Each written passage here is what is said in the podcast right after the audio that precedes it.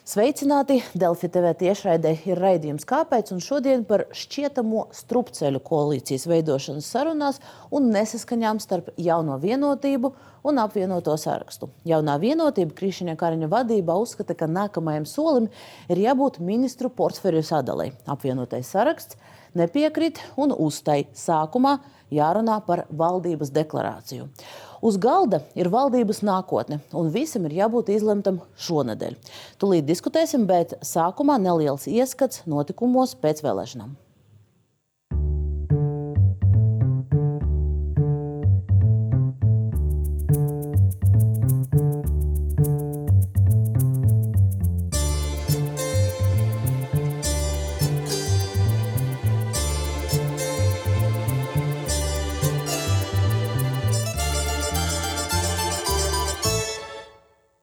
14. saimā ievēlētas septiņas partijas. Valdības veidošanu uzņēmās jaunā vienotība, kas šajās vēlēšanās saņēma lielāko balsu skaitu. Un pēc trīs nedēļas ilgām pārunām koalīcijā vienojušas strādāt trīs partijas - Jaunā vienotība, Nacionālā apvienība un apvienotais saraksts. Valdības veidošanas procesā iezīmējušies potenciālie spēku samēri. Jaunā vienotība varētu ieņemt septiņus amatus valdībā, ieskaitot ministru prezidenta krēslu. Apvienotajam sarakstam pienāktos četri amati, kā arī jau pašlaik ieņemtais saimas priekšsēdētāja krēsls. Savukārt Nacionālajai apvienībai paredzēts ieņemt četrus ministra posteņus. Valdību veidojušās partijas parakstījušas sadarbības memorandu, un tajā kā galvenos mērķus kopīgi izvirzījušas valsts drošību, ekonomikas izaugsmi, taisnīgu un iekļaujošu sabiedrību. Politiķi vienojušies veidot jaunu ministriju, kas būtu atbildīga par klimatu un enerģētikas jautājumiem. Paaugstināt aizsardzības un izglītības budžetus, uzbūvēt skultas termināli un mainīt valsts uzņēmumu pārvaldību. Valdības veidošanas sarunas nevedas viegli. Sākotnēji, jaunā vienotība partnerus ilgi centās pārliecināt koalīcijai ņemt arī progresīvos. Tad radās domstarpības par jaunas ministrijas veidošanu, bet šonadēļ sarunas iestrēga pie jautājuma, kas jādara vispirms jāvienojas par atbildības jomu sadalījumu vai arī par valdības deklarāciju. Visbiežāk domstarpības uzvirmo starp jauno vienotību un apvienoto sarakstu, kurš arī vēlās panākt citāts starppartiju un starpnozaru sadarbību ministriju vadībā. Un eh, studijā mums šodien ir pievienojušies gan uh, iespējamās koalīcijas eh, partneri, gan arī politikas profesionāļi un vērotāji. Uh, stadīšu priekšā viesus Nacionāla apvienību pārstāv Jānis Dombrava. Sveiki! Labdien! Uh, apvienoto sarakstu Edvards Miltens. Labdien! Sveicināti! Uh, Evika Siliņa pārstāv jauno vienotību. Un, uh, novērotāji, komentētāji un profesionāļi mums ir uh, žurnāla ir komentētājs Ervis Ozoliņš. Sveiki! Labdien! Un uh, bijušais Latvijas valsts prezidents Valdis Zatros. Sveiki! Labdien! Un sāksim mēs tad ar, uh, ar koalīcijas veidošanu.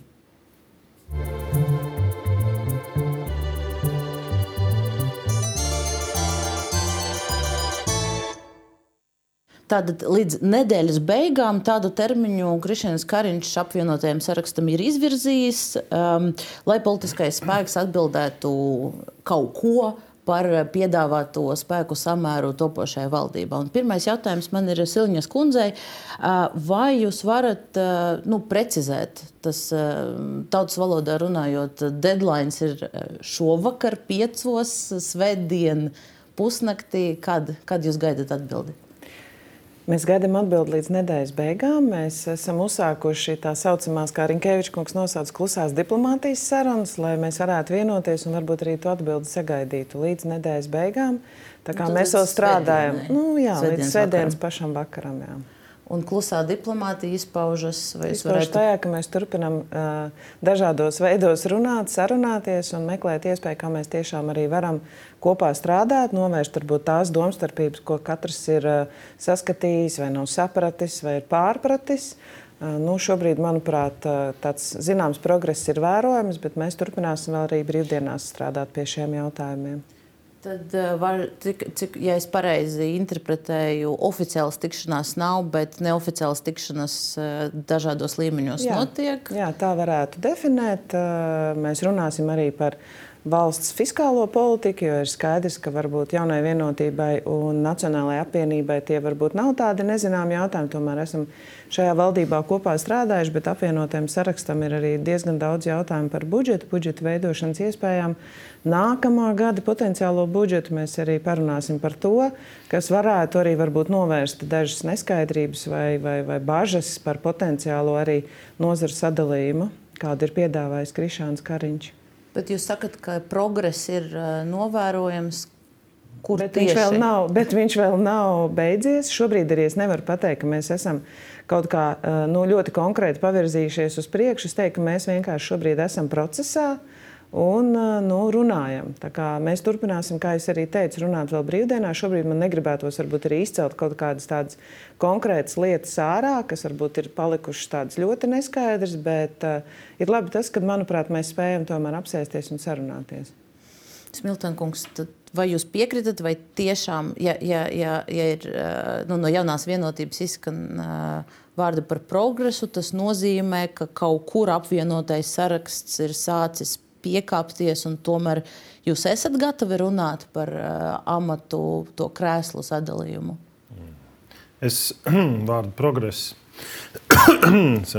es vārdu progresu redzu citā kontekstā. Um, varētu teikt tā, ka tikai tagad beidzot ir sajūta, ka apvienoto sarakstu sadzird. Un te es jūtu, ir nelielas izmaiņas notikušas. Um, cik tālu mēs esam? Mēs esam noslēguši sadarbības memorandu, kur trīs politiskie spēki ir parakstījušies apakšā par to, ka ir gatavi un veidos koalīciju no 54 deputātiem. Tas ir viens. Otrs ir parakstījušies par to, ka ievēros proporcionalitātes principu, ievēros kontinuitātes principu vai turpinātības principu un solidaritātes principu. Par pirmajiem diviem mums izpratne un vienošanās ir par solidaritātes principu ir skaisti pagaidām uzrakstīts. Vēl nav vienošanās un izpratni izveidot, ko tas īsti nozīmē un kā to īstenot dabā. Mēs to saprotam, kā ir vismaz četras ministrijas - veselība, izglītība, iekšlietas un labklājība, kas ir ļoti smagas, kurās ir jāuzņem šī solidārā atbildība un jāsaprot arī no, gan no budžeta konteksta, gan arī no, no, no savstarpējas solidaritātes konteksta, kā šajās jomās varētu panākt būtisks uzlabojums. Tas ir tas, kur mēs esam šobrīd. Bet vai uh, līdz svētdienas vakaram no apvienotā saraksta un tos visus aspektus, ko jūs pieminējāt, es noteikti gribēšu izdiskutēt, vismaz censties. Bet vai līdz svētdienas vakaram no apvienotā saraksta būs te, šī te atbilde, ko Karņa kungs diezgan skaidri vairāk kārt ir uh, iezīmējis, ka vai nu ir tā atbilde, vai, vai mēs tālāk nevirzamies šajā, šajā sastāvā? Tas savukārt atkarīgs no kā Siliņas kundze pieminēja, no klusās diplomātijas darba rezultātiem. Bet nu, kaut kādas izredzes, varbūt jūs procentus varat iedot? Es nespekulēšu ar, ar procentiem, pagaidām pie neskaidriem dotajiem lielumiem. Um, sagaidīsim nedēļas beigas. Jūs varat eh, varbūt izstāstīt, kuros līmeņos tā saruna šobrīd notiek, kurš ar kuru tiekas, kādos formātos? Neformāls sarunas par, par, par tēmām, kas ir neskaidras. Un, uh, mēs mēģinām arī, mēs jau noformulējām jau uh, nedēļas, nu, vakardien, tātad aizvakar jau. Uh, skaidru pozīciju, tad, ko mēs redzam, kur ir problēma. Viena problēma ir solidaritātes principā, viņa ieviešanā. Un otra problēma ir tā, ka par atbildības jomām pirms tam nav bijušas nedz konsultācijas, nedz diskusijas. Līdz ar to mums veidojas nu, tāda problēma, ka mūsu frakcijā mūsu lielākie talanti, kas ir ievēlēti saimā, 15 cilvēku lokā, mums ir eksperti armijas aizsardzības drošības kontekstā Mums ir eksperti pašvaldību reģionu attīstības kontekstā, ekonomika, tautsēmniecība, uzņēmējdarbība, mums ir izglītības eksperti un vidas un klimata eksperti. Nu, savukārt, neviens jau nebija pajautājis un kaut kādas konsultācijas veicis, nu, tad, kas ir spēcīgākās puses, kuras atrodas parlamentā. Vienīgais nosacījums, kas bija izvirzīts par to, ka tā tad ir jābūt ministros tiem, kas ir saņēmuši sabiedrības uzticības mandātu, tātad ievēlēti. Ja. Nu, no, no. Tur veidojās zināma kolīzija šajā stāstā, un iespējams tas ir otrs sarunu temats. Nu, jā, bet te, te es nezinu, vai, vai visi piekrīt, bet to, ko, ko es te saklausu, apvienotais saraksts vienkārši nesaņem tās ministrijas, uz kurām cerēja. Tas ir tas, tas ko jūs sakat. Vai kuras pieprasīja? Nē, nē, nē. Tas nav stāsts par saņemšanu vai nesaņemšanu. Es esmu personīgi bijis, ja nekļūdos, kādu četru valdību veidošanas procesos. Un ir divas pieejas ir valdnieka pieeja un ir vadītāja pieeja. Valdnieks imperatīvi uzstāda nosacījumus, uzliek termiņus, uzliek ultimātus, pasaka, kā būs. Vadītājs veids konsultācijas, saliedē komandu, mēģina saprast nianses un nāk ar zālamanu lēmumu, kur neapmierināti paliks drusciņi visi, vai Otrādi lielāko potenciālu var tieši sasniegt ar šādu un labākos rezultātus tieši ar šādu komplektu. Pagaidām mums ir bijis pirmais scenārijs, bet man ir cerības šobrīd jau parādījušās, ka tas lēnām transformējas uz otru. Mēs esam arī nedaudz sadzirdēti. Mēs, eh, ja, jūs, ja jūs vēlaties komentēt, tad, tad lūdzu, bet es gribēju nodot mēs vārdu arī. Mēs noteikti arī gribam saprast, eh, tā kā jūs arī jautājat, vai tā būtība nav tajā, ka vienkārši neapmierina tās eh, ministrijas, kas ir piedāvājums, un būtu daudz vieglāk, protams, virzīties uz priekšu, ja apvienotais saraksts skaidri to arī pateikt, jo caur puķiem jau mēs nolasam, ka faktiski tas piedāvājums neapmierina. Es tikai varu atgādināt, ka jaunai vienotībai ir 26 deputāti. Mums noteikti tur arī ir daudz talantīgu cilvēku, kas varētu aizpildīt ļoti daudz sfēras. Tā kā es domāju, mums ir joprojām jāturpina sarunas, un mēs varam diskutēt par valdniekiem un, un vadītājiem kā nu mēs katrs to redzam, bet uh, tieši tāpēc mēs sēžam pie galda un diskutējam, gribam saprast, kas ir tas, kas varbūt tiešām uztrauc. Bet jums caur puķiem ir skaidrs, kuras ir tās ministrijas, uh, kuras neapmierina apvienoto sarakstu. Ja jūsu interpretācija arī ir šāda. Nu, tas, ko mēs redzam, skaidrs, ka bažas ir par veselības ministriju, kura ir bijusi, protams, šajā laikā ļoti nu, tādās krustugunīs un, un, un dēļ Covid ļoti uh, daudz tur ir nu, bijuši satricinājumi šajā ministrijā. Ir skaidrs, ka es pieļauju, ka ir jautājumi, kā turpmāk vadīt šo ministriju, kāds būs budžeta izaicinājumi. Tas ir saprotami. Es domāju, nevienam spēkam nebūtu viegli vadīt šobrīd šo ministriju, bet tā pašā laikā, ja apvienotais saraksts ir nācis ar jaunu vēsmu un vēlas veikt šo horizontālo pārvaldību, tad eh, veselības ministrija ir viena no tām, kur ļoti būtu vajadzīga šāda jauna pieeja tieši menedžmentā un vadībā. Jo, kā redzams, jau Māra Kučīnska laikā tika ļoti daudz finansējums ieguldīts veselības ministrijā. Tas ir turpināts darīt arī iepriekšējās valdības laikā, bet tikai finansējuma ieguldīšana bez tiešām tādas uh, sistēmas, menedžmenta un visu iekšējo procesu pārkārtošanas, tur labu re rezultātu nebūs. Tas ir tiešām vajadzīgs tāds tiešām laba vadītāja, menedžera darbs. Vai, vai, vai Zetlerkungam vai Uzliņkungam ir uh, komentārs? Nu, jūs tagad uh, kādu laiku klausījāties uh, nu, šo, šo, uh, nu, šīs debates nelielas, vai, vai jums ir runājis? Runās noteikti, bet, bet tagad uh, to analīzi gribētos no jums dzirdēt, vai jūs saskatāt, nu, kur tad slēpjas tas uh, āķis? Nu, Pirmā tāda pretruna ir tā, ka šis pēctecības princips rada to nākošo situāciju, kas traucē solidaritātes principam. Ja. Kāpēc? Ja? Tad gan Nacionālajai apvienībai, gan jaunai vienotībai ir šīs pēctecības tendences, tātad saglabāt ministrijas, kuras viņam jau ir.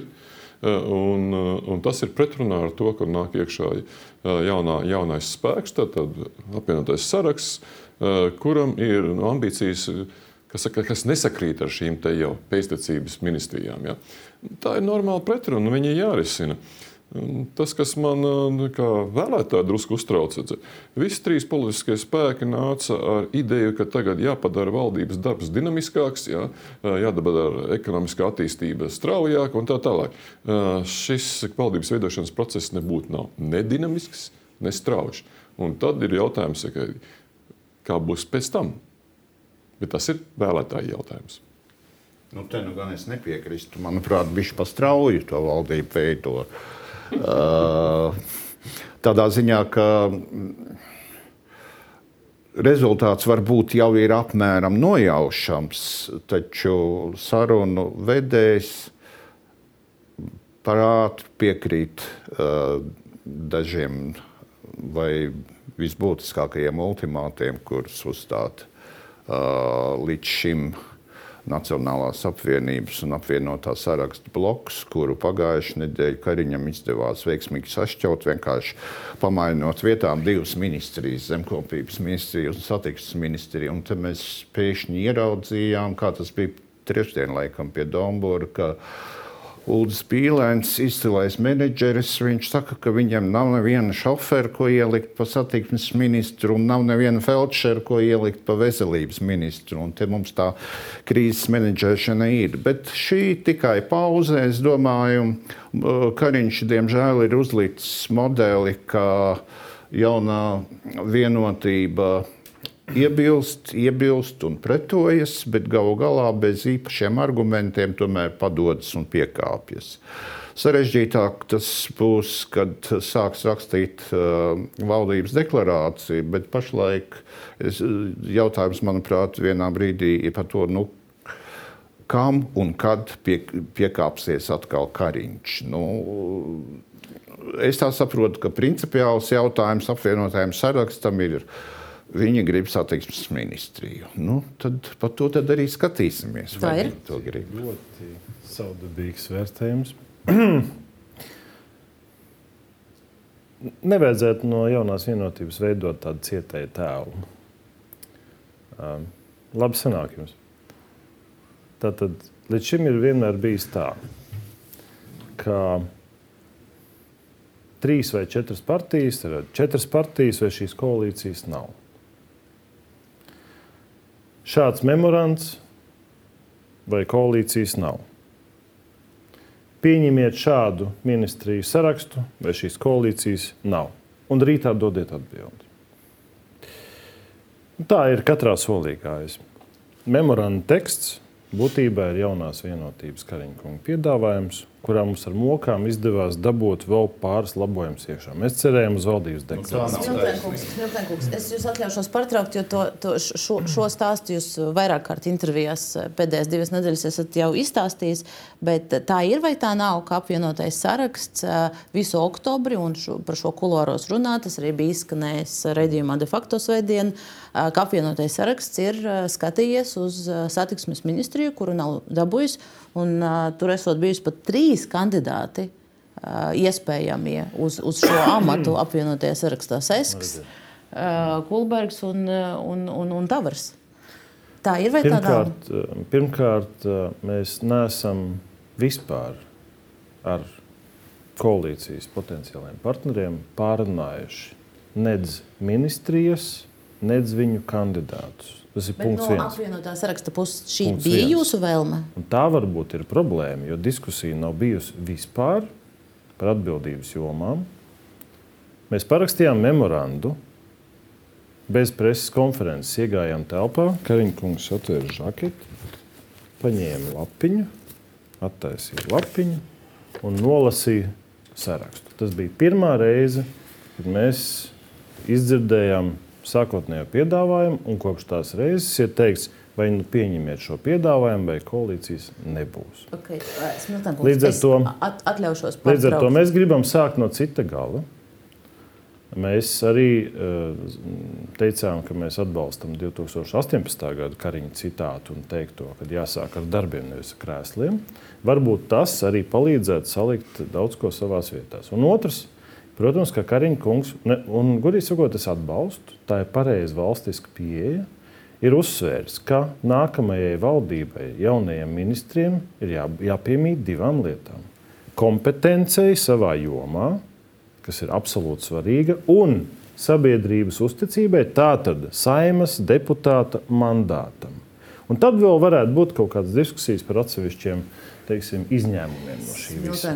Vai uh, jūs tas savukārt limitē apvienotā sarakstu, jo mums saimnes frakcijai zināmas kompetences, un tie, kas ir palikuši aiz līnijas un nav ievēlēti, tur ir citas arī kompetences pieejamas, bet viņi atbilstoši Kariņa kunga kritērijiem nekvalificējās. Uz, uz, uz mani sakot, Zatrakungs, es ļoti īsi precizēšu, vienkārši, jo nebija, nebija saņemta atbilde. Tad, tad, tad es, es, es došu vārdu. Uz mani sakotnēju jautājumu, vai tiešām apvienoties saraksts nevienā brīdī nesūtīja signālus, ka grib satiksmes ministriju? Mēs nesūtījām signālus ne par vienu ministriju. Mēs atskaņojām to, kas ir pieejams mūsu frakcijā, kā lielākā ekspertīze, ņemot vērā to, ka Kaņģa kungs šo iespējamo tvērumu bija sašaurinājis līdz 54 faktiski saimnes deputātiem, no kuriem jāizvēlās 14 labākie ministri. Jāpārtrauc jūs, Smiltēna kungs. Diemžēl Kariņa kungs izskaidroja visai jūsu frakcijai, ka kandidāti uz ministrijām var būt ne tikai no 54 ievēlētiem deputātiem, bet arī tādi cilvēki, kas ir profesionāli savā jomā, bet nav startējuši vēlēšanās, tik minēts, nu, pieņemsim, finansēs, tas varētu būt, nezinu, kā Kazākungs, kurš iebilstu tam. Uh, Un arī tādi cilvēki, kuri ir kandidējuši, bet viņi ir nevis nokrituši vai tikuši izsvītroti, bet viņi vienkārši varbūt ir, kā jūs minējāt, palikuši ārpus strīpes. Bet ir skaidrs, ka vēlētājs viņiem ir drīzāk uzteicis uzticību. Viņi varbūt ir pakāpšies uz augšu, bet viņi nav tikuši svītroti. Mēs esam par to daudz runājuši. Un mēs esam minējuši, ka mums iepriekšējā valdībā bija ministra, kura nebija populāra pati savā vēlētāju vidū, un tas rada grūtības valdībā. Kam jūs arī piekritāt, un jūs to esat dzirdējuši? Tātad jūs zinat, ka nav kandidāta saraksts tikai no 54. Tā kā, nu, Tas varbūt bija jūsu jautājums, mēs to sapratām, mēs to esam izskaidrojuši. Manuprāt, pie tā mēs arī uh, varam turēties, ka tāds arī ir tas iespējamais kandidātu skaits. Zetlera kungs gribēja izteikties. Jā, es tikai gribēju papildināt. Ir ļoti jauki, kad ir kompetences jā, un ir vēlētāja uzticība, bet, lai vadītu ministriju, ir vajadzīga vēl viena īpašība - politiskā vadītāja prasmes. Un tās ir ļoti būtiskas. Ja? Vai tas konkrētais cilvēks ar savām uh, zināšanām nozarē ja? un ar vēlētāju mandātu spēs tikt galā ar savu ministriju, organizēt, darīt, ja? sadarboties ar, ar, ar pārējiem ministriem. Un tas man būtu, man liekas, pat ir svarīgāk nekā, nekā tas, cik dziļas viņam ir kompetences. Jo runājot par ekspertiem, arī ekspertu kompetences ir ļoti dažādas. Ja? No nelielām, tāpēc, ka viņš vispār tajā nozarē ir strādājis, līdz tādām, kad viņš ir kaut ko vadījis tajā nozarē. Ja? Smiltenkungs, vēl, vēl uh, neliels jautājums no manas puses.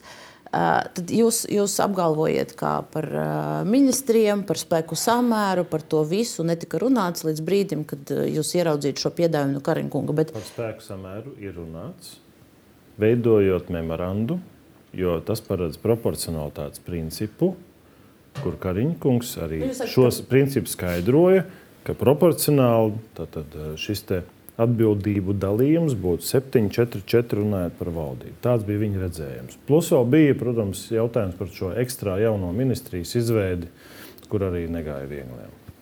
Bet uh, kādā procesā jūs saņēmāt savu amatu? Saimas uh, kārtības roļi noteiktajā kārtībā. Bet pirms tam bija, bija pārunas starp partijām. Kurš, bija pārunas, jā, starp, kurš dabūs? Bija, bija pārunas um, starp uh, iespējams frakcijām, bet uh, būtībā tas process ir saimnes kārtības rullī noteikts. Es arī pirms visur mēdīju man jautāju, vai es esmu gatavs ieņemt uh, šo amatu. Es arī līdz pēdējiem brīdim teicu, ka mums ir procedūra, no sākuma izvirza kandidātus, tad ir jābūt piekrišanai, un tad ir vēlēšanas, un saimā arī prezidents šādā veidā veidojās. Nu, tas ir īstenībā jautājums. Bet kāpēc Dombrovkungs nav saimnes kārtības ruļu kārtībā ievēlēts par priekšsēdētāju? Jā, labs jautājums. Tāpēc, ka tika izvirzīts Smiltēna kungs un uh, saimnes vairākums viņu atbalstīja. Bet, uh, jā, ja varat, tad es iesākumā vēlētos apsveikt visus skatītājus Lāčpojuša dienā.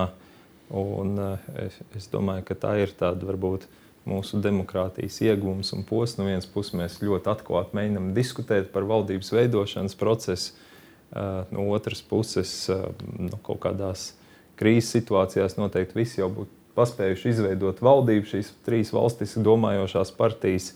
ja justu to um, ārkārtējo nepieciešamību. Es domāju, ka tā ārkārtējā nepieciešamība ir. Varbūt ir tāds zināms atslābums izveidojies kopš uh, februāra, sāk, uh, februāra beigām, bet uh, nu, tie ģeopolitiskie apstākļi nav būtiski mainījušies. Skaidrs, ka mums ir jānonāk pie um, jaunizveidotās valdības, un es arī ticu, ka tuvākajās uh, nu, nedēļās tam, tas notiks. Saima, saima balsos par jaunās valdības apstiprināšanu. Bet nu, vēl ir ceļš ejams līdz tam. Bet kāpēc jūsu partija, atgriežoties pie tā sakotnē mūsu iesāktā jautājuma par saimnes priekšsēdētāju amatu, kāpēc Nacionāla apvienība neizvirzīja savu kandidātu? Mēs izvirzījām savu kandidātu saimnes prezidijam. Priekšsēdētājiem. Jā, nu, mēs respektējam saimnes vēlēšana rezultāts, demokrātiju, kur demokrātiskā procesā mēs esam redzējuši, ka tā tad ir atbalstīta partija, kura šobrīd pretendē uz premjerministra amatu. Nu, faktiski var strīdēties par šo otrās vietas ieguvēju, kas ir Zaļo zemnieku savienība, bet nu, faktiski mēs redzam, ka tas ir apvienotais saraksts kurš, eh, kurš ir iegūst nu, teikt, otro lielāko atbalstu no valstiskām partijām, kuri varēja virzīt eh, saimnes priekšsēdētāju. Tā ir, manuprāt, normāla demokrātiska procedūra. Mēs ne, ne, negribētu, ka visa vara sakoncentrēs vienas partijas rokās, eh, pat ja tā varbūt kādam žurnālistam ir simpātiska. Nu, e, Silvijas kundze tā bija, ka vienkārši visi saprata, ka apvienotajam sarakstam ir jāvirza, un, un, un neviens cits nemēģināja tikt uz saimnes priekšsēdētāja amatu. Bez jebkādām diskusijām tas tā dabiski ir noticis. Proporcionalitātes princips ietvēra 7, 5 un 4. Un 5 apvienotam sarakstam viens no amatiem ir spīkera amats. Tā, tā ir daļa no šī proporcionalitātes sadalījuma un piedāvājuma, kādā veidā koalīcija varētu tālāk darboties. To arī atspoguļo memorands un to atspoguļo proporcionalitātes princips, kas ir memorandā. Bet personību jūs esat runā, apsprieduši? Jo par to, kas Miltāna kungs vēlas pretendēt uz šo amatu, par to jau bija zināms, un arī šajā studijā mēs runājām. Pirms vēlēšanām? Nē, pēc vēlēšanām. Nu, pēc vēlēšanām man šķiet nebija tāda diskusija. Um, nu labi. Es uh, sapratu, ka mēs tur tālu netiksim tieši šajā sadaļā, bet uh, varbūt uh, mēģināsim apspriest dažas uh, no tām uh, nu, teiksim, tā apvienotā saraksta izvirzītajām nu, varbūt, pretenzijām vai, vai piedāvājumiem, ko tad jūs sagaidat, kur, uh, kur jūs vēlaties panākt kaut kādu jaunās vienotības. Uh, pretīm nākšanu, tad uh, runāsim par, uh, nu, par, par proporcionalitāti arī. Uh, un par uh, horizontāliem, diagonāliem un, un tā tālāk. Vienotais saraksts apgalvoja, ka par amatiem nerunās, un vispirms gribot ķerties pie valdības deklarācijas. To esot prasījis valsts prezidents Egils Levits. Te gan jānorāda, ka patiesībā Levits pirmdien teica pavisam ko citu. Nākamais jautājums ir par personālijām, tātad, kuri būs atbildīgie koalīcijas partneru deleģētie ministri. Un tad sāksies lielākais un smagākais darbs pie valdības deklarācijas.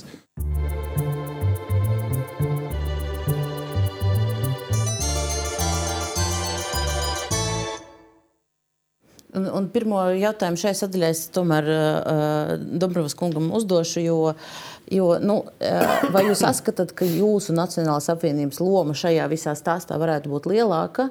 Uh, jo nu, pagaidām jūs ieņemat tādu novērotāju pozīciju, bet varbūt jūs varētu būt vidutājs, kas tieši otrādi nu, saskaņo visas šīs nesaskaņas kaut kādā formā. Ne, nu es nezinu, vai mums vajag uh, censties būt kā vidutājiem. Visi uh, politiskie spēki ir ļoti pieauguši un nobrieduši politiskie spēki kaut kādā ziņā ar pieredzējušiem politiķiem. Uh, es domāju, ka tad, kad atrisināsies tās galvenās domstarpības, tad jau arī uz priekšu tas process aizies. Un, un uh, es arī domāju pie, par valdības deklarāciju.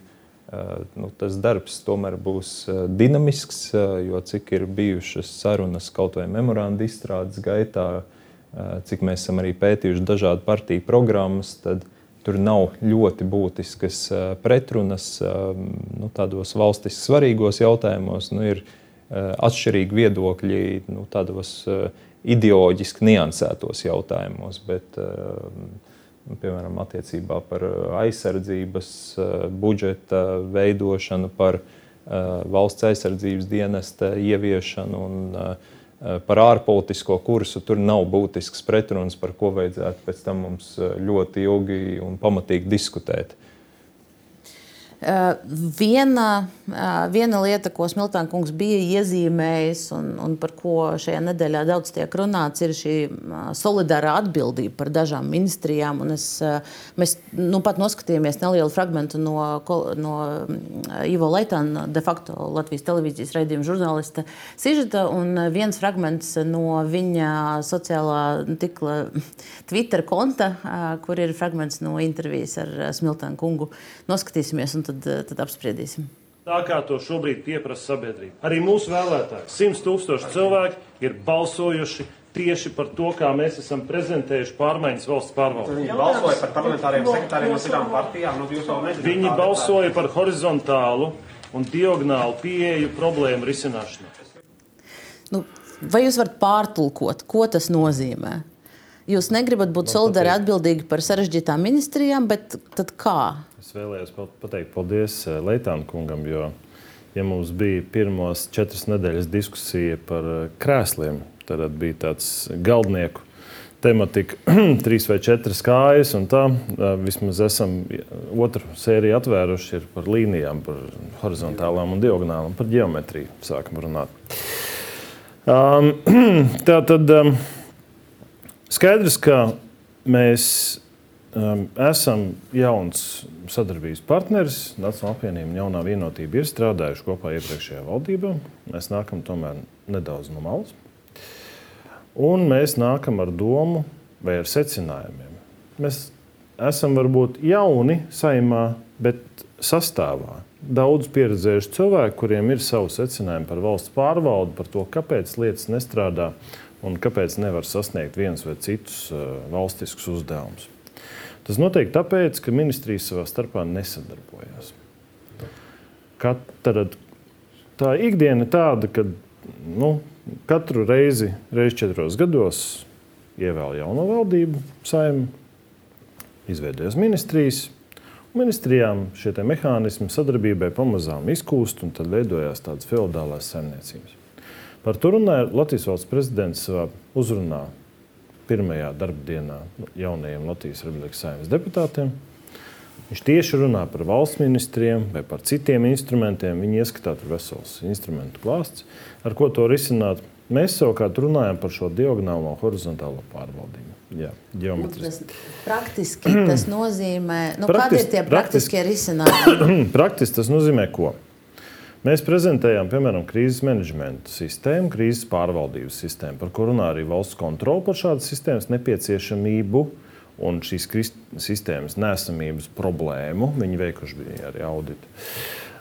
Mēs, tas ir, tas ir faktiski pie premjera jābūt šādām lietām.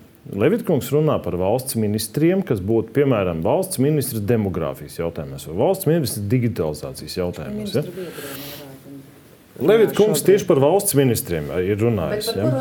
Savukārt par ministru biedriem tas ir otrs piedāvājums.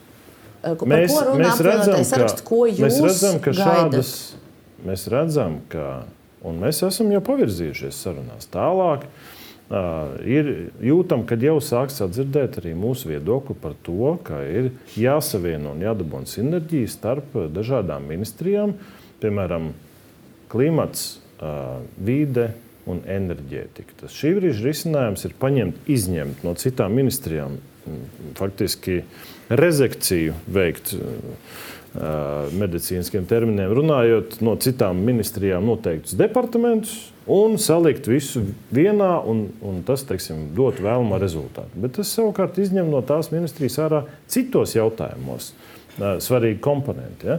Tā normālā pieeja būtu pareizā, jaunā pieeja izmantot visu šo valsts pārvaldu kopumā, ir viens vadītājs, kas risina starpdisciplinārus jautājumus un risina problēmu. Tad tie būtu viceministri vai, mini, vai, vai kādi vai valsts ministri vai, vai, vai viceministri, valsts ministri. Tur ir dažādi formāti un iespējas, kā to var īstenot. Problēma ir uzrunāta. Mēs gribam ar kolēģiem šo uh, parisināt. Un arī par krīžu pārvaldībām. Uh, ir skaidrs, ka tas var funkcionēt tikai tad, ja tas ir premjeras līmeņa jautājums. Pēdējais pateikšu. Šobrīd tas bija tikai zem iekšlietu ministrijas. Valsts ministrus, viceministrus vai, vai kaut kādas citas jaunas amatpersonas, tad šīs ir tas piedāvājums. Ja jaunā vienotība piekritīs, tad, tad jūs nedēļas beigās teiksiet, jā, mēs ejam uz priekšu. Nē, tā ir diskusija. Tad mēs esam uzsaukuši problēmu, ka, ja mēs izveidojam Vienkārši tā kā šobrīd tas ir virzījies, izvelk sarakstu, nosauc ministrijas, pieņemiet, vai šīs valdības nav. Un tāds bija tas uzstādījums. Ja mēs neizveidojam šo sadarbību savā starpā, starp ministrijām, un otrais līmenis jau šī solidāra atbildība, kad uzņemās par nozarēm smagajām, tad vienkārši nebūs rezultāti tādi, kā mēs sagaidām no šīs valdības. Ja es pareizi sapratu, jūs tā ļoti lielos vilcienos runājat, bet ja es pareizi sapratu tās par tām jaunām amatpersonām, tad te jau daudz, daudz, daudz vēlas izteikties Dombrovas kungs, un tad, tad varbūt kādu no jums. Jā, kad esmu runājis ar dažādu partiju ministriem, tad bieži vien izskan tā, tā problēma, ka ļoti daudzas Eiropas padomes sēdes un tam līdzīgi notiek, kur mūsu ministriem būtu jāpiedalās, bet nu, faktiski ir ļoti sarežģīti to visu izbraukāt. Ņemot vērā, ka tās atbildības sfēras nu, atsevišķiem ministriem, piemēram, varam ministrs, ja, viņam bija jābūt speciālistam digitālajos jautājumos, vides jautājumos, reģionālās attīstības jautājumos, uh, Attiecīgi notiek arī šīs sēdes dažādās Eiropas institūcijās. Nu, vai nu tu piedalies šajās Eiropas sēdēs, kas ir ļoti būtiski no dažādu struktūru fondu viedokļu un tam līdzīgi, tam līdzīgi, vai arī tu strādā Latvijā, bet abas bieži vien apvienot ir ļoti sarežģīti.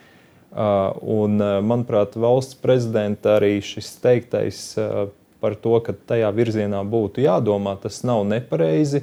It īpaši, ka mēs redzam, ka attīstās aizvien vairāk nozares, kuras ir eh, pārresoriskas, eh, piemēram, šī eh, digitālā nozare, kur ir nu, faktiski tās atbildības sfēras, protams, pamatu mēģina veidot šobrīd varam ministrija, bet nu, tā, tā atbildības iestiepjas pilnīgi visās ministrijās, gan par digitālo drošību, vai serveru drošībā, vai tie netiktu uzvalsti gan par produktiem, kas tiek izstrādāti. Un tad ir tā, ka vienā ministrijā ir speciālisti, kas var izstrādāt kvalitatīvus produktus, un tad ir e-veselība.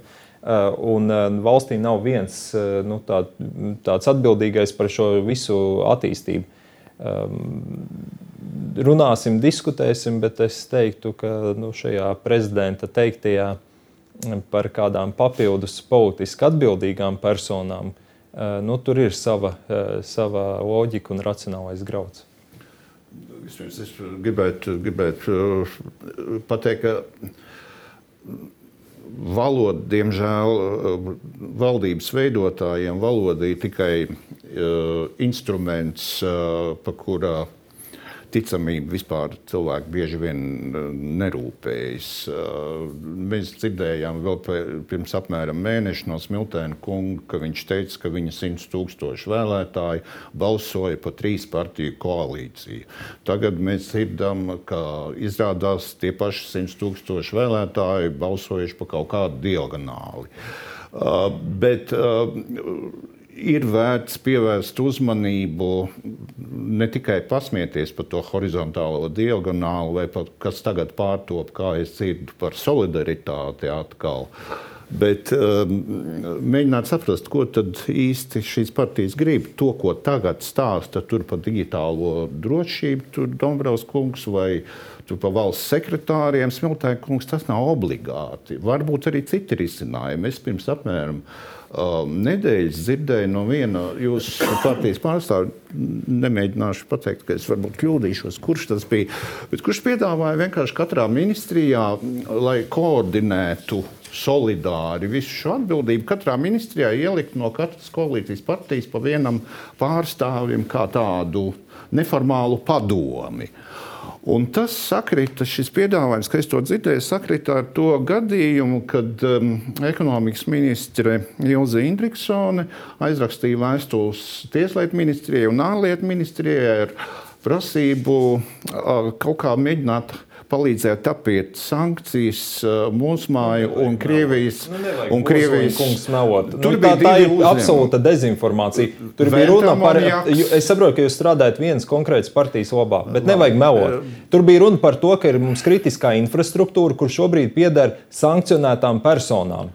Jums liekas, tas normāli, ka jā, mums ir sprādzienu bīstams objekts, kas pieder sankcionētām personām. Pagaidiet, nemelojiet, lūdzu, tagad par apiešanu. Par, runa par bija par runa, bu, nē, tā ir jūsu interpretācija, jūsu melīgā interpretācija. Nevajag, ja? Nevajag melot. Mēs, mums ļoti konkrēti, ko, nu tad ne, lūdzu, lūdzu nemelojiet. Jūs pateicāt, es, es, jūs pateicāt, ka es meloju. Tieši tā. Paga, es, es gribu pabeigt. Es gribu pabeigt. Nē, es gribu pabeigt. Es pateikšu vienu jautājumu, un tad tu pabeigsi. Un kur tad ir palicis tas starpprofesoru koordinācijas centrs? Nu, tā, tagad var turpināt. Ne, nu jā.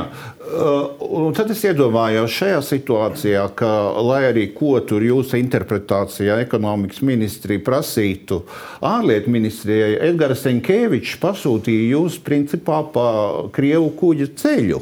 Viņš teica, jūs esat apmaldījušies trīs priedēs. Noslēgsim šo sadaļu. Tā tad, pie, ja, pie būtu, ja, būtu, ja būtu katrā ministrijā trīs cilvēki, divi no. Uh, viens no jaunās vienotības un pa vienam no apvienotā saraksta un Nacionālās apvienības. Kā būtu noticis šis process? Vai pirms šīs vēstules būtu koordinēta arī, piemēram, Tieslietu ministrijas un ārlietu ministrijas reakcija uz, uz šo procesu, un kuram būtu pārsvars šajā trīs cilvēku kombinācijā, kur, kuram piederētu galīgais vārds, vai jaunajai vienotībai ar 26 vietām saimā, vai piemēram, ja nu sakristu intereses Nacionālajai apvienībai apvienoto sarakstu. Man, man tas izskatās daudz nopietnāk nekā tikai joka vērts visa šī runāšana par horizontāliem un vertikāliem un solidaritāti. Šeit ir, es redzu mēģinājumu vienkārši dominēt un kontrolēt uh, politiku Latvijā līdz pat ministriju un departamentu līmenim. Tas... Te droši vien es gribētu dot vārdu jaunai vienotībai, jo te ir kā jūs to interpretējat, kur, kur jūs saskatāt eh, šo piedāvājumu uh, par ministriju darbu, darbā kaut kādu uh, nezinu, diagonālu vilkšanu starp ministrijām. Tas arī ir faktiski subjekts tām sarunām, kas šobrīd norit mūsu starpā. Mēs cenšamies saprast, kas ir tas piedāvājums, kādā veidā apvienotais saraksts un arī Nacionāla apvienība redz šo starpnozaru sadarbību. Varbūt Nacionālajai apvienībai tas nav tik tāds bijis fundamentāls uzstādījums, bet apvienotajam sarakstam ir. Mēs arī cenšamies saprast, kādā veidā apvienotais saraksts redz un kā viņi vēlas to praktiski izpildīt. Par to mēs arī runājam un turpināsim sarunas arī šajās brīvdienās. Bet no jūsu puses ir kaut kāds piedāvājums, konkrētie, konkrētie jaunie amati vai, vai, vai zem, zem ministri, ministru līmenī vai pārministriju līmenī skaits. Jums ir, jūs, jau, jūs jau esat sagatavojuši, ok, mēs jums tas, varam kas, piedāvāt šādu jā, paketi. Tas, kas ir skaidrs, tas, kas ir skaidrs ka, uh, attiecīgi kaut kādās šobrīd varbūt aktuālajās jomās varētu būt konkrētas ministru kabineta komitejas, kur būtu tikai politiskā vadība, kur varētu piedalīties politiķi. Tas būtu viens no mūsu redzējumiem, ko mēs varētu piedāvāt. Nu, par pārējo vēl turpinās sarunas, jo, protams, mēs nevēlamies radīt situāciju, ka notiek kaut kāda uzraudzība un kontrole uh, ministrijās, kas varētu izskatīties dažādi interešu lobēšana. Mums tas, ir, mums tas noteikti nebūtu pieņemami, taču valsts prezidents ir izteicis šo vēlmi redzēt ministru uh, biedrus konkrētās jomās, atsevišķās ministrijās, lai varētu izcelt tātad, kaut kādas konkrētas politikas, par kur būtu atbildīgs tātad, šis ministra biedrs vai valsts ministrs. Par to mēs arī šobrīd diskutējam. Kas būtu tās jomas? Šobrīd ir nosauktas zinātne, bērnu politika, digitālās lietas un informācija un mēdīja, kur varētu veidot kaut kādus šādus uh, nu, posteņus, izvelkot ārā šīs prioritātes. Bet, protams, mums arī ir jādomā par to, lai mēs nu, saprātīgiem soļiem ejam uz priekšu. Un tiešām, ja šādās, nu, tad ir jautājums arī, vai tie ir esošās partijas biedri, no vienas partijas, vai tie ir no dažādām partijām. Tas ir arī tie jautājumi, kuri mums ir diskutējami un par kuriem mums ir jāizrunā. Jo nu, te varētu būt dažādas izpratnes mums dažādās partijās. Tad ministru prezidenta biedri un, uh, Nē, ne ministru prezidenta biedri, bet ministru biedri, ministru biedri. un uh, ministru kabineta komitejas konkrētos šobrīd aktuālākajos jautājumos, kā enerģētika un izglītība. Un, Divi, šis ir diezgan konkrēts piedāvājums no jaunās vienotības. Vai, vai tas jums liks līdz nedēļas beigām pateikt, jā, koalīcija ir ejama uz priekšu? Pirms es atbildēju uz jautājumu, divas mazas replikas. Uh, retorisks jautājums Ozoliņa kungam. No kurienes jūs ņemat šo informāciju? Kādi vēl padomnieki vai nezinu, cilvēki katrā no ministrijām iekšā un tā tālāk? Tas ir kaut kas, es tur neko tādu neesmu dzirdējis. Un, nu, ja jūs sakat, tad saucat avotu. Otrs, Jūs kā lielu tādu sensāciju pasniedzāt, kad 100 tūkstoši cilvēku balsojuši par šādu trīs spēku koalīciju. Nu, bet, protams, Jānis Dombūrs, kas notiek Latvijā, parādīja SKDS pētījumu, kurš to apstiprina, ka jaunās vienotības vēlētājs redzētu koalīcijā progresīvos, Nacionālās apvienības vēlētājs un apvienotā saraksta vēlētājs redzētu koalīciju bez progresīviem. Tieši tā arī ir. Tā nav nekāda sensācija vai pretruna.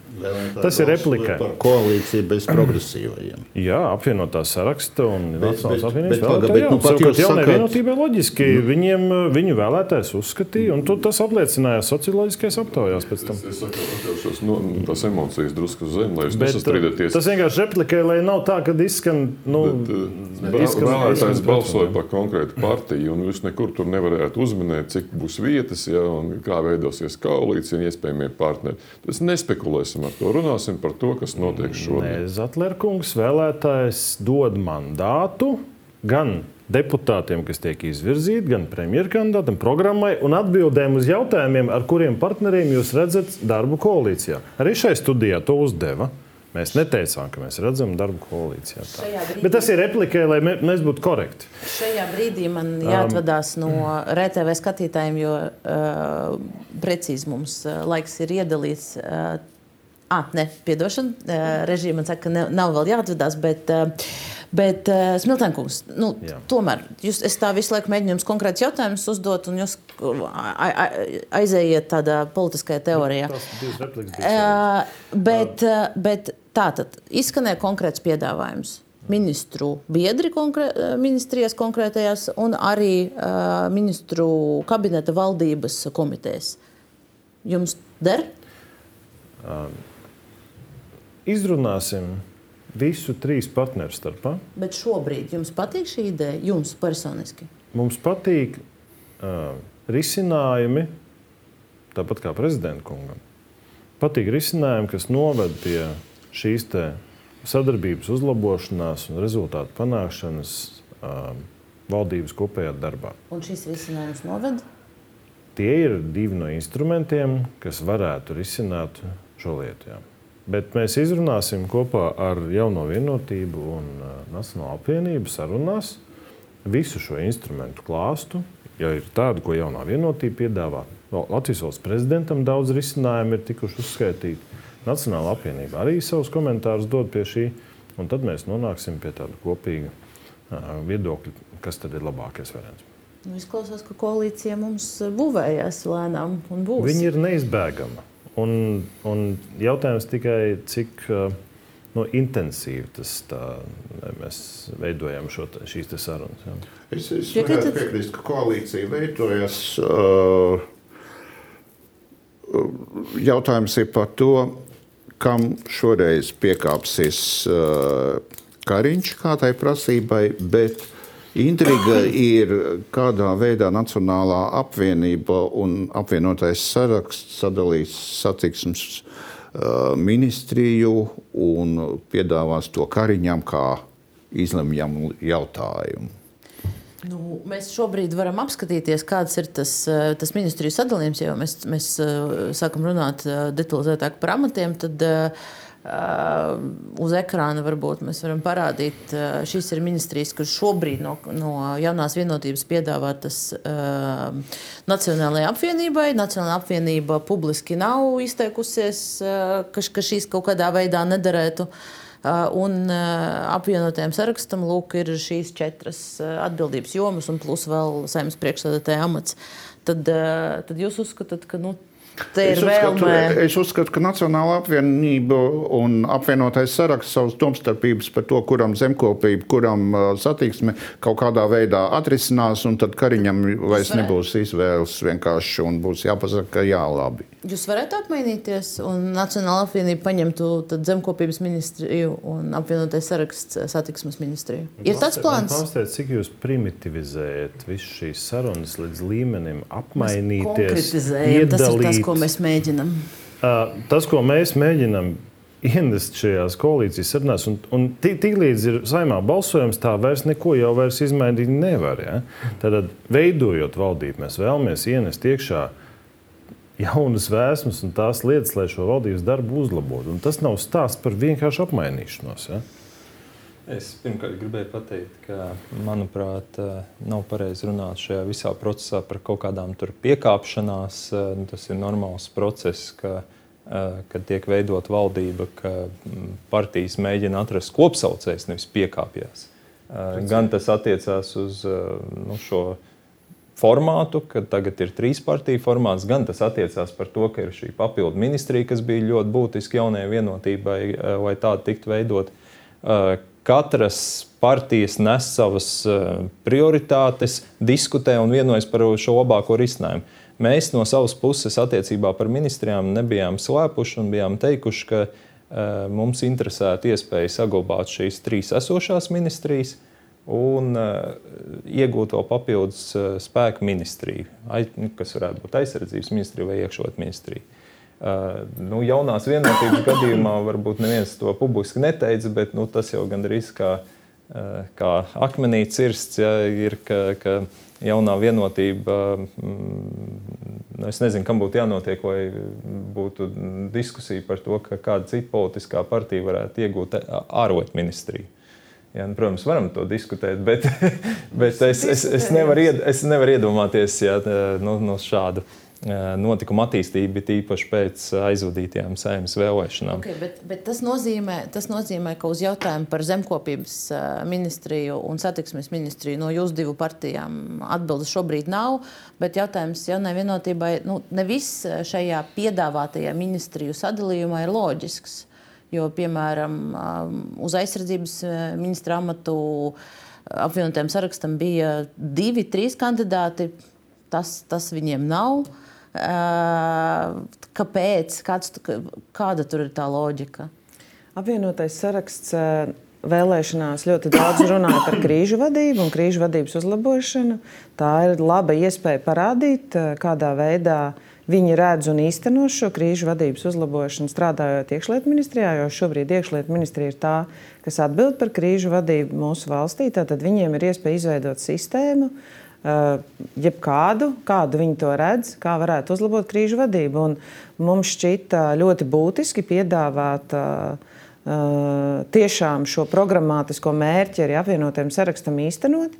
Jo uh, par aizsardzību, jā, varbūt tur ir cilvēki, bet tik daudz programmatisku uzstādījumu mēs varbūt nesaredzējām, kā tas bija par uh, krīžu vadību, kas nemitīgi tiek atgādināts, un mēs šo iespēju gribējām arī apvienotiem sarakstam dot.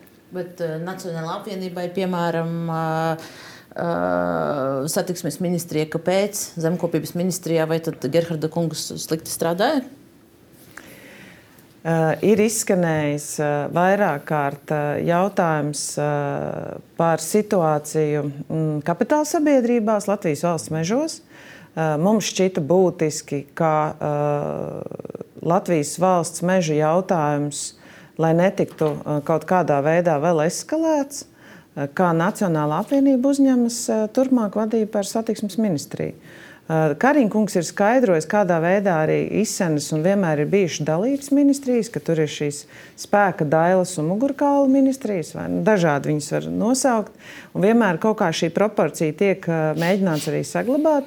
Te mēs esam minējuši arī, ka ir šīs reformu ministrijas, kas ir izglītības, labklājības, veselības, kur ir nepieciešams lielāks reformas, noteikti arī šī jaunā klimata un enerģētikas. Un, ejot cauri visām šīm ministrijām, tā, tā, tā proporcija tika starp trīs partijām mēģināts izveidot. Tad, tad, nu, var patikt, var nepatikt. Noteikti jaunai vienotībai arī būtu nu, varbūt kaut kādas vēl ja mums būtu iespēja pilnībā izvēlēties varbūt, kaut kādas citas vēlmes, nu, pēc principa, lai vairāk vai mazāk programmatiskie mērķi būtu iespējams īstenot, kā es jau teicu, Nacionālajā apvienībā, tad, tad kultūra, valoda. Neviens nestrīdas arī, manuprāt, par to, ka viņiem piederas eh, un būtu eh, jauki arī turpināt vadīt šo ministriju. Un tieši tā arī tad, tad apvienotiem sarakstam varam ministrija vai reģionālā un digitālās lietas, jo tur ir reģiona apvienība. Tad, tad nu, kaut kādā veidā tiks sabalansēts arī šīs intereses. Redzat programmatisku uzstādījumu? Problēma šajā pieejā, jo nu, no šobrīd izskanējušā tiešām ir jāpiekrīt, izklausās, ka lūk, ir bijis šis piedāvājums, un vai, vai nu, vai nu, vai nu at, partijas to, to pārējās paņem vai nu nepaņem, bet nu, tāda ministriju iedalīšana, nevis, nevis kaut kāds dialogs. Mēs runājam pirms tam par memorandu. No apvienotā saraksta mēs nesaņēmām varbūt, tādu ļoti skaidru redzējumu no Nacionālās apvienības. Varbūt šis redzējums par viņu vēlmēm bija skaidrāks, nu, tāpēc arī sēžam šobrīd pie galda un runājam tālāk. Bet apvienotais saraksts visu laiku ir definējis, ka viņiem ir uh, iespējas uh, strādāt pie darbiem vairāk. Nu, es domāju, ka skatīsimies, vai tie darbi sakrīt ar solījumiem. Bet sadalot ministrijas, eh, piedāvājot esošo piedāvājumu, jūs tiešām nu, nebijāt konsultējušies ar, ar pārējām divām partijām. Vienkārši piedāvājāt pēc saviem ieskatiem un viss. Tā var saprast. Tā varētu teikt. Nu, tie arī atbildi. Nu, nu, jā. komentāri, jā, lūdzu. Nu, komentāri, nu, memorandu pieminēja vairāk kārt šeit, eh, kā kaut kādu akmeni iecirst vai tieši otrādi. Uh, neobligāti. Bet, eh, ja salīdzinām memorandu sākotnēju tekstu ar uh, gala rezultātu, to, ko parakstīja, tad apmēram var nojaust, kā notiks arī šīs valdības veidošanas uh, uh, process. Visas Nacionālās apvienības vēlmes tika ņemtas vērā un ielapotas memorandā.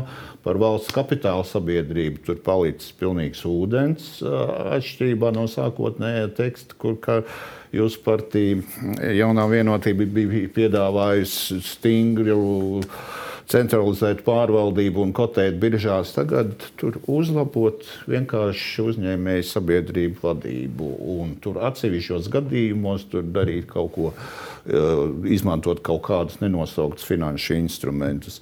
Bet eh, šis parāda modeli, kā top šī valdība. Galu galā būs rezultāts apmēram tāpat kā ar memorandu. No sākotnējās ieceres būs palicis visai maz, bet kaut kāda valdība būs. Datlerkungs. Nu, es domāju, ka tas, kas man nav saprotams šajā procesā, tieši šeit bieži tiek pieminēts valsts prezidents. Es jūtu, ka partijas saka, mēģina viņu dabūt savā pusē. Bet man nav skaidrs, kāpēc saimnes pirmajā sēdē savā uzrunā prezidents nenosauca ministru prezidenta kandidātu. Jo šeit ir interesanti, ja sakarā satversmē valdība veido uh, prezidenta nominēts. Nomi Aicināts, aicināts, jā, jā, aicināts, nu, labi, aicināts ministra prezidenta kandidāts. Un, eh, savukārt, valdība beidzot viņa aicināta ministri. Ja. Bet šobrīd mums ir tāda situācija, kas, domāju, drusku atstāja iespēju uz procesu. Ir uh, valsts prezidenta pilnvarots, pilnvarota persona bez sarunas. Nevis veidot valdību, bet vest sarunas. Un tad mēs šeit arī esam, kad sarunas turpinās. Ja, Uz jautājumu, vai tiek veidot valdība, mums ir grūti atbildēt. Ja? Redzēt, pie šīm formālām lietām vajag ļoti pieturēties. Jo es neredzu nevienu iemeslu, kad jau bija skaidrs, ka būs trīs partiju koalīcija, ka viņiem ir 54 vairākuma balsis, ja? nenominēt ja? vai aicināt ministra prezidenta kandidātu. Viņam būtu pilnīgi cits pilnvars. Ja? Un mēs nerunātu šeit par valdniekiem un, un, un pārvaldītājiem, ja? bet runāt konkrēti par valdības veidošanu. Ja šobrīd tiešām notiek tikai sarunas, un, protams, viņas ir pamatā, lai pēc tam veidotu valdību, bet katrā ziņā tas process var arī ievilkt. Bet vai nebija tā, ka nu, pašlaik notiek konsultācijas?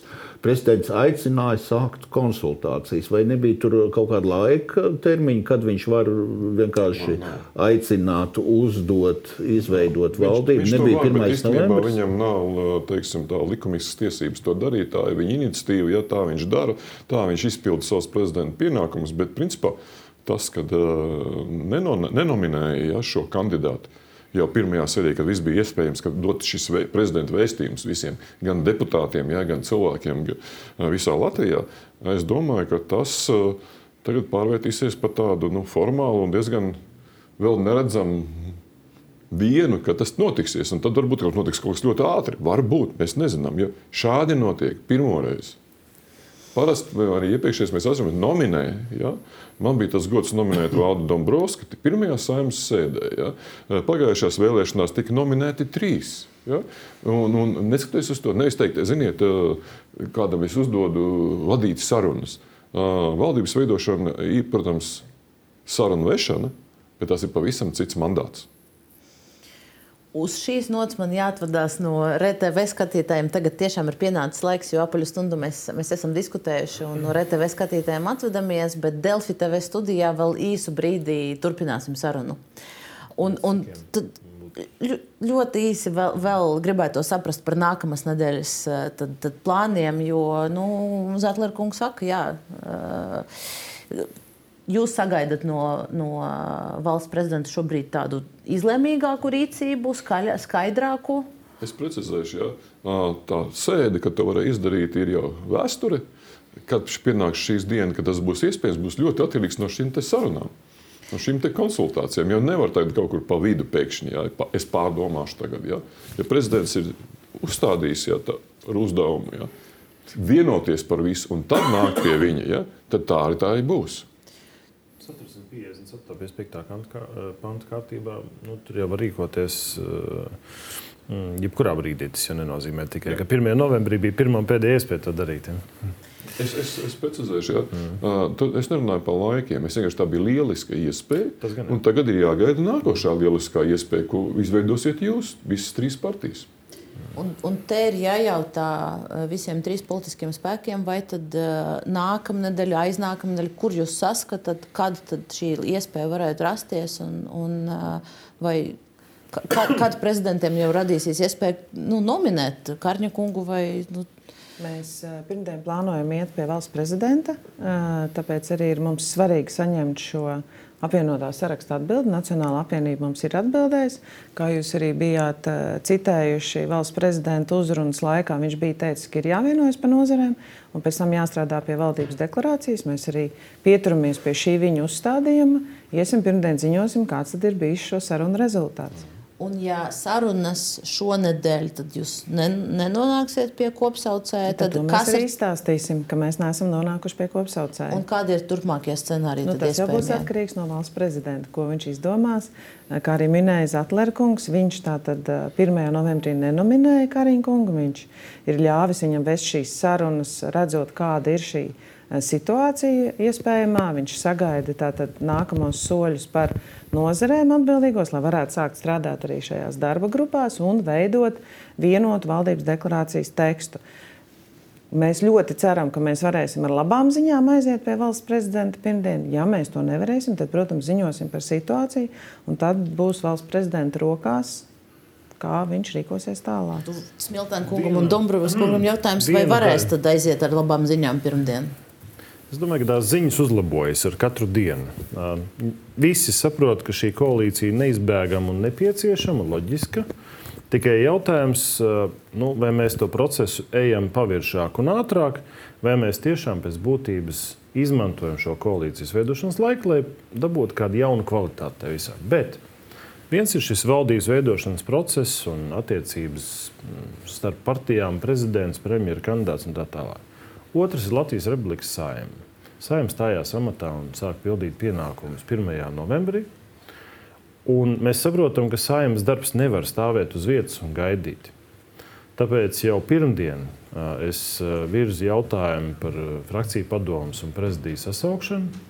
Mēs virzamies uz 17. novembri jau, lai pieņemtu saimnes plenārsēdē noteikumus par, par saimnes komisiju izveidas principiem, noteikts datums, kad ir jāiesniedz iesniegumi deputātiem, un jau sākam veidot saimnes komisijas. Tas ir tas, kas notiek parlamentu pusē.